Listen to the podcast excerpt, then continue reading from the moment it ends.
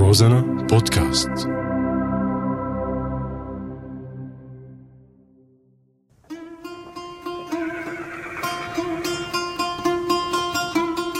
عوالم وأعلام. يأتيكم معي أنا صهيب أحمد. أهلا بكم مستمعينا على هوا راديو روزانا. نتعرف اليوم على مدينة غوزانا الأثرية.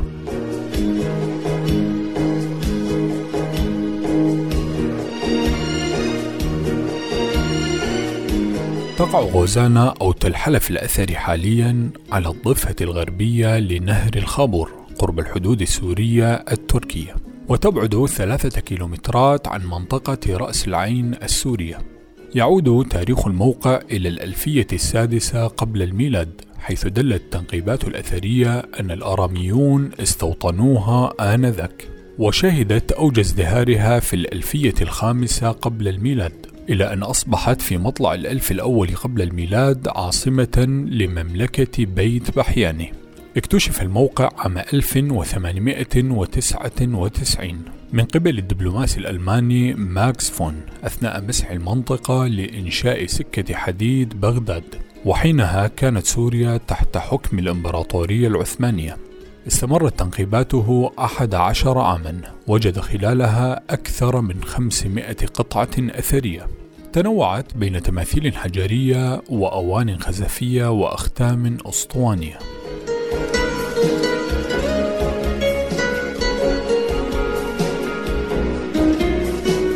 نقل ماكس فون القطع الأثرية إلى برلين على ظهر الجمال والبواخر. وفي عام 1931 أنشأ متحفا سماه تل حلف.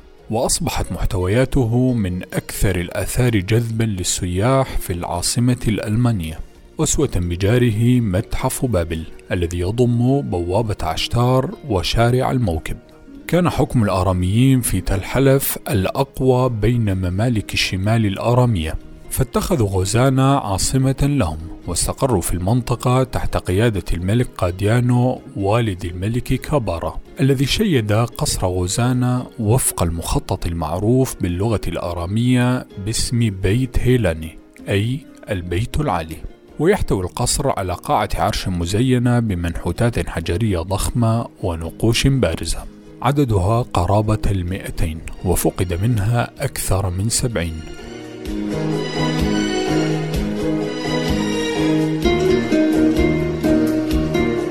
ما تبقى لا يزال موجودا في متحف برلين وبينها تماثيل للآلهة وأخرى لمخلوقات تجمع بين البشر والحيوانات كالإنسان السمكة والرجال الثيران وأسود مجنحة وشكل آدمي برأس أسد وأشكال أخرى كما عثر على منحوتات جدارية بارزة. تضم مشاهد دينية وقرابين.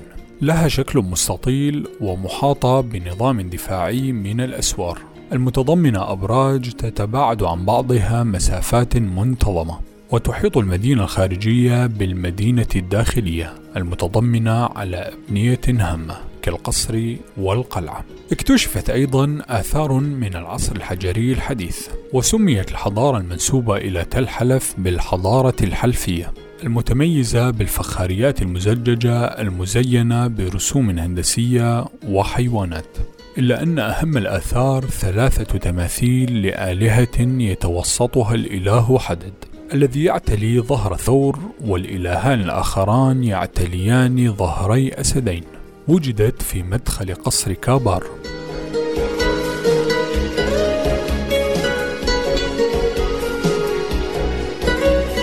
وضعت نسخة مقلدة من هذا النصب عند واجهة متحف حلب وبقيت الأصلية في متحف برلين.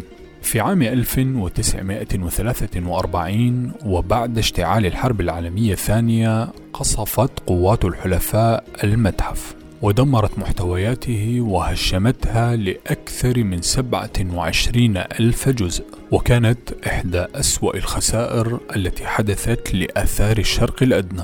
وتم إنقاذ 80 مترا مكعبا من شظايا التماثيل البازلتية الضخمة والمنحوتات. وخزنت بعيدا في متحف بيرغامون إلا أن تلك الكارثة أثرت في نفس ماكس فون كثيرا. الذي توفي بعدها بثلاث سنوات. عام 2001 قرر مختصون ألمان ترميم الآثار المحطمة التي حجبت عن الجمهور لأكثر من سبعين عام.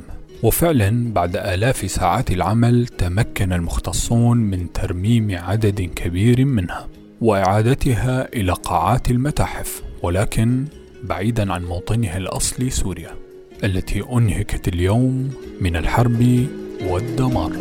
صهيب أحمد روزانا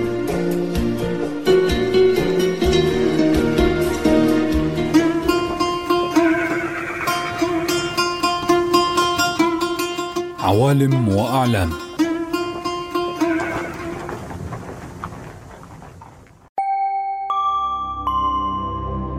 روزانا بودكاست.